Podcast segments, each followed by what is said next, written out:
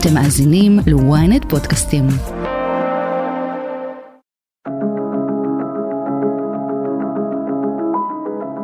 סינואר קיבל בדיוק את ההפך ממה שהוא חיפש וביקש. עוד מעט הוא גם ירגיש את התופת. בוודאי שבישראל הוא פגע מאוד, אבל את שלטון חמאס הוא השמיד לחלוטין. במילים האלה מסיים את המאמר שלו דוקטור רונן ברגמן, הפרשן הבכיר של ידיעות אחרונות ו-ynet וכתב הניו יורק טיימס. אבל מה בדיוק חיפש וביקש מנהיג חמאס בעזה במתקפת הפתע הקטלנית בשבת בבוקר? ואיך זה שבזמן שחמאס הטיל על ישראל את המהלומה הכי קשה בהיסטוריה שלה, דווקא ארגון הטרור הוא המפסיד הגדול. אני טל זרביב, וזאת הכותרת. ברגמן, כבר שבוע שאתה מסתובב בבסיסי צה"ל ביישובי העוטף, מסקר עבור הניו יורק טיימס את מה שמתרחש. איזה תחושות מלוות אותך תוך כדי? שאלות שצפות. קודם כל, אני אגיד את זה במילים עדינות, באסה של הלייף. העבודה נותנת לך, מצד אחד מביאה אותך כמובן כל הזמן במגע עם הדברים הכי קשים, ומצד שני גם נותנת לך איזה מקלט, איזה מפלט, כי אתה בעבודה. כמובן שהכל ביחד, אני חושב שזה התסכול העמוק על זה שככה הופתענו, וקצת כעס עליי על זה שלא עשיתי מספיק כדי למנוע את זה, הרי אהרון זאבי פרקש, ראש אמ"ן לשעבר, ואני פרסמנו 24 שעות קודם. יצא יום שישי, היום, כאילו הימים זזו יחסית לפני 50 שנה, זזו ביום אחד. נכון, במוסף לשבת. השישי לאוקטובר, מוסף לשבת, אנחנו פרסמנו, כל אחד בשפתו, אזהרה חמורה שלקחי מלחמת יום הכיפורים לא נלמדו. אהרון מסתובב כבר הרבה מאוד שנים עם התחושה שזה לא נחקר, ואני עוסק בזה, עוסק במלחמה, אבל בעיקר בנושא הזה בשנה וחצי האחרונות, ואני רואה איך לא למדנו, איך לא בדקנו, איך לא חקרנו כדי להפיק לקח, צריך לדעת מה קורה. כי החומרים שהגענו אליהם הם, הם חומרים mind blowing. המסקנות הן מרעידות שמיים וארץ. והרבה אנשים שנחשפו לדברים האלה, הסכימו איתנו, הסכימו במסקנות המהפכניות האלה, אבל המון אמרו, תעזוב את זה, מה אתה צריך את זה? אני מדבר על אנשים בכירים מאוד בקהילת המודיעין. אין לנו מספיק בעיות שאתה מצליח, עכשיו אתה מוציא רוחות רפאים מאיזה ארון מלפני 50 שנה, ואני אומר להם, אבל אם אני צודק, ואנחנו צודקים, הרי מדובר על כך שפעמיים ב-20 שנה, קהילת המודיעין קרסה, קרסה לחלוטין, ולא למדנו את הלקח. ולמה לא למדנו את הלקח? כי מלכתחילה יש משפט מטורף במחקר של המוסד, שבודק ב-1974 אם אשרף מרואן היה כפול או לא, שהוא אומר משהו בסגנון, ההוכחה לזה שאשרף מרואן לא היה חלק מהונאה, היא שהמצרים לא מסוגלים לעשות הונאה. כלומר, ההוכחה שלי על זה שלא רימו אותי, היא שהצד השני טמבל ואני חכם ולא יכולים לענות אותי. 24 שעות יותר מאוחר, אחרי שפרסמנו את האזהרות האלה, ואנשים התחילו להתקשר ואמרו, אה, אתה בטח ידעת משהו, אתה לא סתם כתבת, כי העיתוי הוא מחושף. עכשיו, האמת היא שלא ידענו כלום, והעיתוי הוא מקרי. יכול להיות שסינואר ומוחמד דף וסלאח אל-ערורי בחרו את יום כיפור, את יום שבת, שביעי באוקטובר, בגלל התאריך של אה, לפני 50 שנה ויום, אבל אנחנו, אנחנו פשוט במקרה, אנחנו כתבנו את זה כי אנחנו מאמינים בזה בכל שעה. והלכתי לאותם אנשים שאמרו לי, בשביל מה אתה צריך את זה? ואמרתי להם, אתם רואים, בגלל זה אני צריך את זה. אנחנו זלזלנו, הטעות היא לא רק בזה שאנחנו אה, לא ידענו, שקהילת המודיעין לא ידעה על, על המיזם הזה, ולא ידעה לשים עליו תאריך ושעה.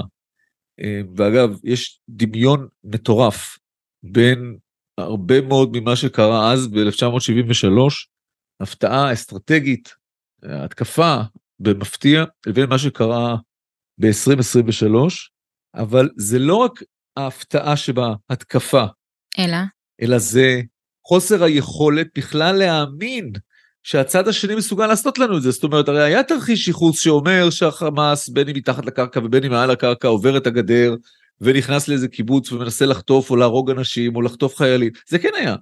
אבל אף אחד לא העלה על דעתו בשום מקום, בשום סצנריו, ולו הקיצוני ביותר, שהחמאס יפרוץ את הגדר בכנראה 35 נקודות במקביל, ויצליח לשתק את כל האמצעי החוזי וחלק מהתקשורת באופן שמכניס את כל החזית לבליינד ספוט של איזה שעה וחצי, שזה מה שהוא היה צריך כדי, כדי להתחיל להכניס אנשים. הרי מה בעצם קרה? ברגע שנכנסו ה-200 הראשונים, ה-300 הראשונים, זה כאילו שהזיזו את הגדר עשרה קילומטר מזרחה. כל האזור של הגבול והעוטף הוא הופך להיות חלק מעזה. זה מה שבעצם קרה שם. אנחנו זלזלנו ביכולות שלהם, והדבר הנוסף כמובן זה שאנחנו לא, לא הבנו, אם אנחנו מדברים על קונספציה, אז הקונספציה במקרה הזה הייתה שאנחנו מבינים את סינואר, ושסינואר, כמו נסראללה, לא רוצה מלחמה כוללת, הוא רוצה הסדרה של כל, כמה דברים, הוא לא אוהב אותנו, אף אחד לא חשב על זה לרגע, אבל הוא לא בעניין של איזה ג'יהאד, אה, כי הארגון הזה, צריך לזכור, אה, חמאס הוא אומנם ארגון ג'יהאדיסטי, אבל הרבה פעמים הוא הראה גמישות, בעיקר כשזה היה, כשהיה איום קיומי עליו, הנה ב-2004, ישראל חיסלה את השייח' יאסין, ושבועיים אחרי זה חיסלה את מי שמינו תחתיו את אה, עבד אל-עזיז א-רנטיסי, והחמאס כמעט על כחונו התחנן להפסקת אש עם ישראל, כי הוא הבין שהוא בסכנה, סכנה קיומית. אז זה מתחבר לשאלה המרכזית, מה, מה בעצם החמאס אה, מבקש להשיג פה? הרי מכת הפתיחה של המנהיג הסינואר הפכה לפיגוע התאבדות תודעתי מבחינתו, ועכשיו ההשוואה של חמאס אה, לדאעש מתקבלת כסוג של הנחת עבודה. ראיתי שיש צילומים שבכמה מקומות הם השאירו דגלים של דאעש. אני חושב שיש עוד דרך, או יש מרחק בין כמה אנשים של, של הנוח'בה שמשאירים דגלים או לא משאירים דגלים, לבין הכרזה של החמאס כ, כדאעש. צריך להגיד שזה אומנם ארגון ג'יהאדיסטי שיעי, אבל הוא דווקא קרוב לאיראן. איראן ודאעש זה לא בדיוק מסתדר. אני לא בטוח שזה דאעש, אבל זה לא באמת משנה. מה שחשוב זה שהוא ביצע עלינו עם הסרטי הסנאפ הנוראים האלה, שאין לי ספק שעוד יבוא היום ויוכח שהם חלק מתוכנית, זה הכל מכוון, זה לא קרה במקרה, זאת לא התפרצות ספונטנית של שנאה שמישהו שמחליט להוציא אותה באיזה דרך ברברית על קורבנות uh, תמימים שנפלו לידיו. אולי זה גם זה, אבל זה בעיקר הוראה מלמעלה, שאומרת, תעשו את הדברים הכי נוראים שאפשר לעשות, then some, תתעדו את זה, תשלחו לנו את הסרטים, בכל חוליה ראינו חלק מהנקודות המבצע שלהם, בכל חוליה יש טלפון יהודי, קוראים לו טלפון לתקשורת או למדיה, ובמקרה אחד שהייתי יחידה של הלוטר והם הורידו טלפון וגו פרו מראש של מפקד חוליה של החמאס, אז רואים שיש שם ממש הוראות מתי הוא צריך להעלות דברים לאיזה קבוצת וואטסאפ, וזאת הסיבה שאנחנו אזרחי ישראל כבר ב... אני לא יודע מה, שמונה, שמונה וחצי, תשע, אנחנו כבר בעצם רואים ברשתות החברתיות את התכנים הנוראים האלה. מה זה רואים? אנחנו מוצפים, אתה יודע, ב- ביומיים הראשונים למלחמה, הוצפנו בסרטוני זוועות במערכת החדשות, אני בתפקידי המרכזי, אני עורכת, היינו צריכים לנווט את החומרים, להחליט מה מפרסמים, מה חותכים, מה מטשטשים, והרוע לא מפסיק להגיע, להציף את הרשת, את הוואטסאפ, את הטלגרם, סרטים קשים לצפייה, לראות ולא להאמין, לראות שוב ולראות מפחד. אנשים הסתובבו ועדיין מסתובבים ברחובות עם חשש שעוד רגע זה יקרה להם, שהמחבלים מעבר לפינה, ואני רגע חוזרת לטקסט שלך, אתה כותב ככה, מסקנת ביניים היא להבין שזו הייתה המטרה, בעצם לזרוע פחד מתמיד ובהלה משתקת בקרב הישראלים, שכל סרטון שאנחנו שולחים או פותחים, או מדברים ומדסקסים את הפרטים הגרפיים של מה שראינו, משרת את מערך התודעה של סינואר, וצריך לעשות הכל, ככה אתה כותב, כדי לצמצם את העיסוק בסרטי הוידאו האלה. כן, אני חושב שיש אנשים, את ואני חלק מאותה קבוצה, שזה התפקיד שלנו לראות ולחקור, ויש עוד קבוצה די גדולה שבטח עוד תתעסק עם זה בעתיד, אבל אני חושב שהפגיעה של הדברים האלה היא כל כך נוראית. יש אנשים שמספיק להם לראות עשר שניות מהגיהנום הזה, כדי שזה יעשה להם קביעה בנשמה, ואני, אני ער ליאון, לא יודע, יומיים אחרי, כבר שהייתי בעוטף עזה וכבר גם הבנתי שלא מדובר על זיופים, אלא למצר אמת, אה, אמרתי שאני לא מדבר על זה עם אף אחד. כי אפילו הדיבור על זה, שאתה אומר מה אתה ראית, הוא כבר רעל שאתה מטפטף למישהו. כמובן שלא, ב, שלא ברצון ולא במודע. אנשים, אסור לכם לשלוח את זה לאף אחד. אם קיבלתם, אסור לכם לפתוח את זה. זה כמו מטען חבלה. צריך לתת אותו למי שיודע לטפל בו, וזהו, הוא יטפל בו כבר. אני לא אומר שלא צריך להגיד שנעשו דברים נוראים, אבל צריך להרחיק אותם, את עצם הדבר, כי כי בסוף המטרה חוץ מלהתעלל ביהודים, זה להתעלל בעוד הרבה הרבה הרבה הרבה יהודים שיראו את זה אחר כך. והפחד הזה, שפתאום חזרתי מהעוטף, פתאום אני רואה שאנשים נורא מפחדים, שזה יגיע אליהם. הם לא פחדו מהטילים, והם לא פחדו מהמלחמות, אבל הם כן מפחדים ש... שהאיש הזה מהנוח'בה ידפוק להם בדלת. אנשים בסרט הם כל כך חסרי הגנה וחסרי אונים, שאנשים ממש, ממש, הרי זה, הפחד הוא, הוא, לא, הוא לא באמת, הוא לא רציונלי. בטח מישהו יעשה את הבדיקה הסטטיסטית הזו ויגיע למסקנה שהרבה יותר סביר, או הסיכוי להיהרג בתאונת דרכים, סתם תאונת דרכים, אם אתה בתל אביב, הוא הרבה יותר גדול מאשר שתפגוש איזה מישהו מהנוח'בה. אבל עדיין זה פשוט נורא וזה צריך להשתדל לפחות לצמצם את הנזק, ובצד השני צריך לוודא שיש בידינו את אה, ההוכחות, את סך ההוכחות לזה שזה הם, כי הרי בסוף הם יטענו שזה לא הם, ויגידו שזה האספסוף, או זה האיראנים, או זה האלה, ולהסביר את זה, וגם אני בטוח שאם ייערך מחקר מקיף וכולל, אה, הוא יתקף גם את מה שאני אומר אותו כהשערה, אין לי הוכחות אה, חדות לזה, וזה שמדובר על, על מערך מאורגן בהוראה מלמעלה, שמטרתו לייצר כמה שיותר חומרים כאלה ולהציף איתם את הציבור הישראלי.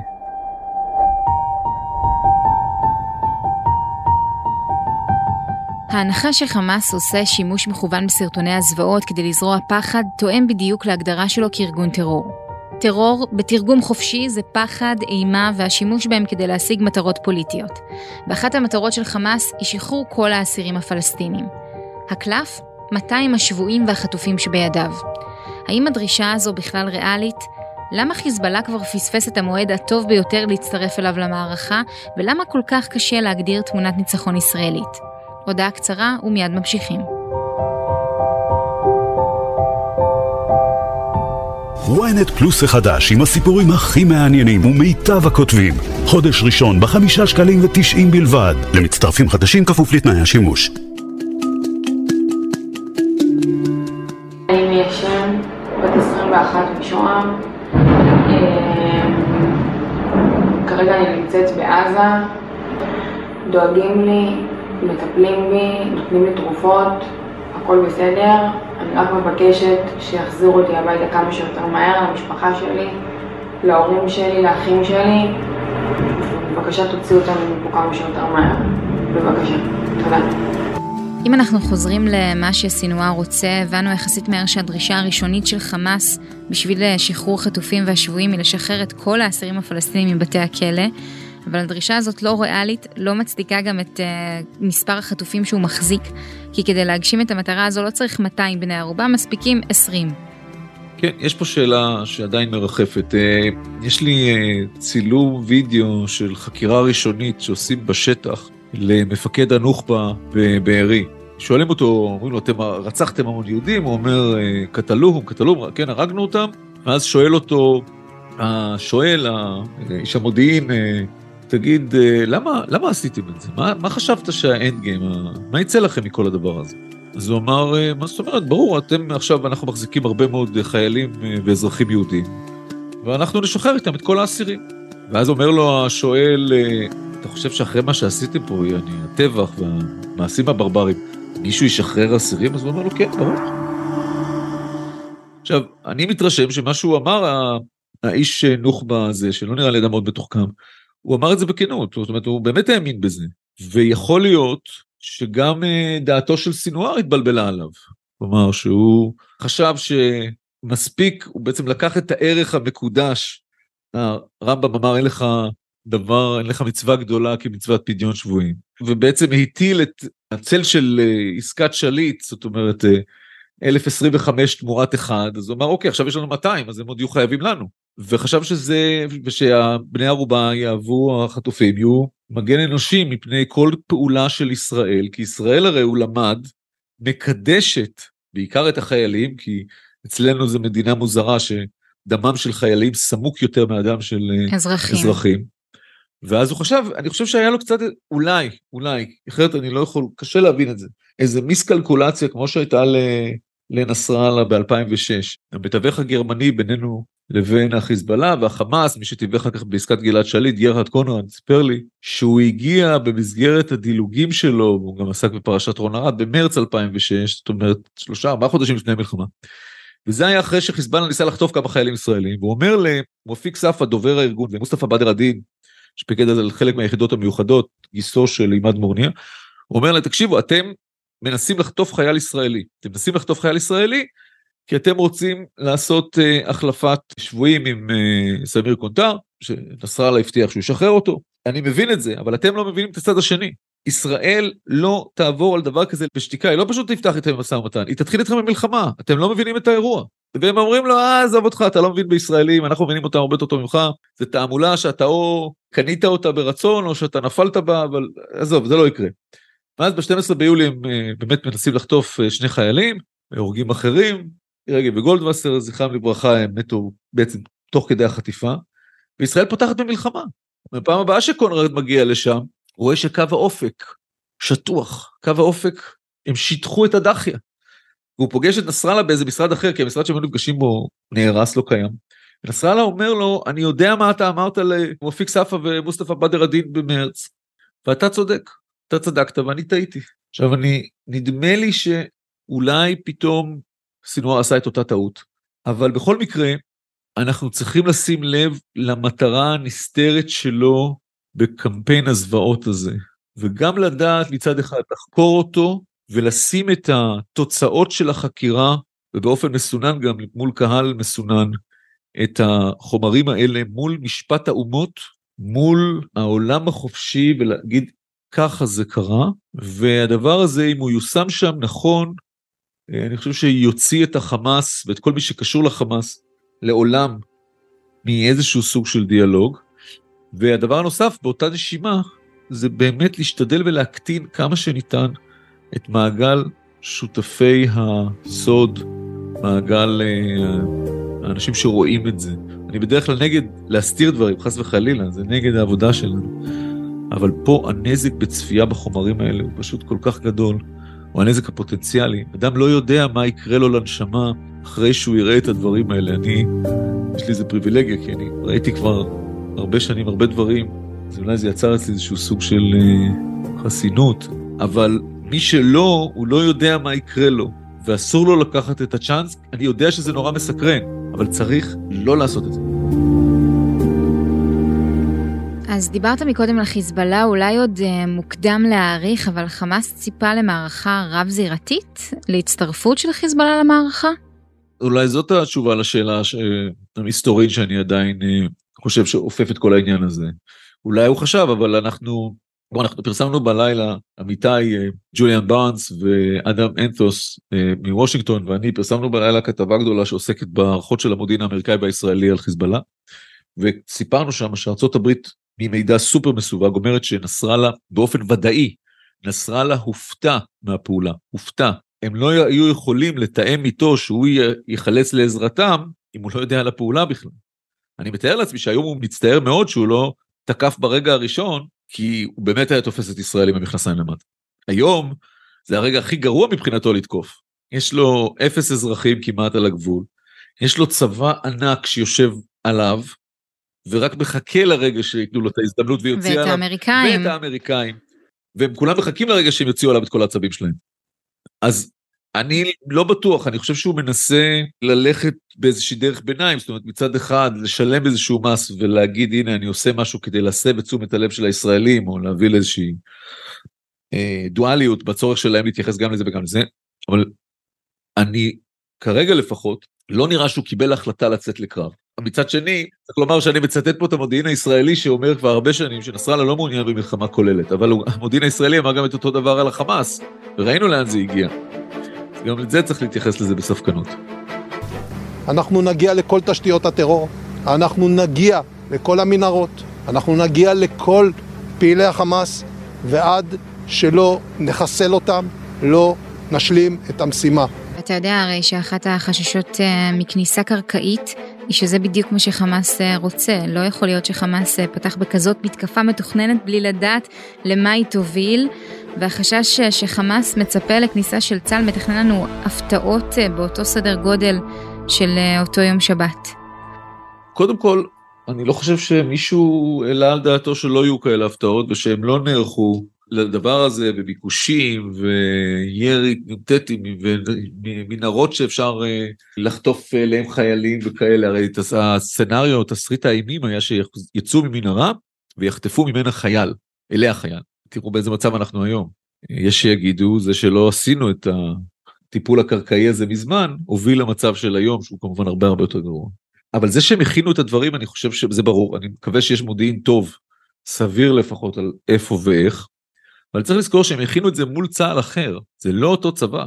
הצבא שניצב מולם, קודם כל הצליח להביא להגירה של חלק גדול מתושבי אה, עזה, העיר עזה. זה דבר אחד. דבר שני, הוא עם הרבה הרבה פחות אה, שלייקס, כמו שהיו קודם. זה לא אותו צבא, וזה לא אותה סגירת חשבון. זה לא אותו צורך להראות שאנחנו, בסוף אנחנו משמידים את האויב על זה שהוא פגע בנו כל כך קשה. זה פשוט עולם אחר לגמרי. בעולם הזה אני לא בטוח שהחמאס יודע איך להבטיח לעצמו שהוא שורד. אז לסיום ברגמן תצייר לי תמונת ניצחון, איך בדיוק יראה הניצחון הישראלי במערכה הזאת? יש פה גם ניצחון פרקטי, זאת אומרת באמת לפרק את מערכות השלטון ולפרק את ריכוזי הנשק, בתי המלאכה וכו', וגם ניצחון סימבולי, וזה, אתה יודע, אה, גופתו של מוחמד דף, שהוא כמו הפניקס העולה מן האפר שהוא פעם הורדנו לו יד ופעם רגל ופעם עין והוא ממשיך. ואו אחמד סינואר בתחתונים ואזיקונים אה, מוצעד בחובות העיר. אני חושב שצריך כמובן לא לשים לב שאנחנו לא משלים את עצמנו אה, שמדובר על השמדת החמאס. החמאס היא תנועה חברתית, פוליטית, דתית, לא רק צבאית והיא נמצאת בלב ובנשמה של הרבה מאוד אנשים, אי אפשר להכחיד אותה. כמובן שהשאלה הגדולה שעולה מה יקרה ביום שאחרי? כלומר, אוקיי, אז הנה, הפלנו את שלטון החמאס, אנחנו לא רוצים לשלוט, הרי אם ניסוג נקבל את זה יותר חזק בעוד שנתיים. אני לא בטוח שמדינת ישראל חושבת בכלל במונחים האלה, הם קודם כל רוצים לעשות את הדבר הזה, לתקוע שם דגל, ואז אולי לחשוב לאן נלך מכאן. דוקטור רונן ברגמן, תודה רבה שהיית איתנו. תודה. עד כאן הכותרת להפעם. את הפודקאסט אתם יכולים למצוא באתר ynet, באפליקציה או ברכב. אם זה באפל מיוזיק או בספוטיפיי, אל תשכחו לדרג ולהשאיר תגובה. בינתיים אנחנו מזמינים אתכם להאזין לפרק נוסף שלנו על איך ישראל טעתה בתפיסה וההתנהלות מול חמאס. חפשו את האשליה, הקונספציה, המחדל והאמת. חמאס תמיד רצה שנקרוס. תודה לכל צוות הכותרת, שרון קידון וקובי נחשוני, תחקיר הפקה ועריכה, גיא סלם ועדן דוידוב. אני טל זרביב, שמרו על עצמכם.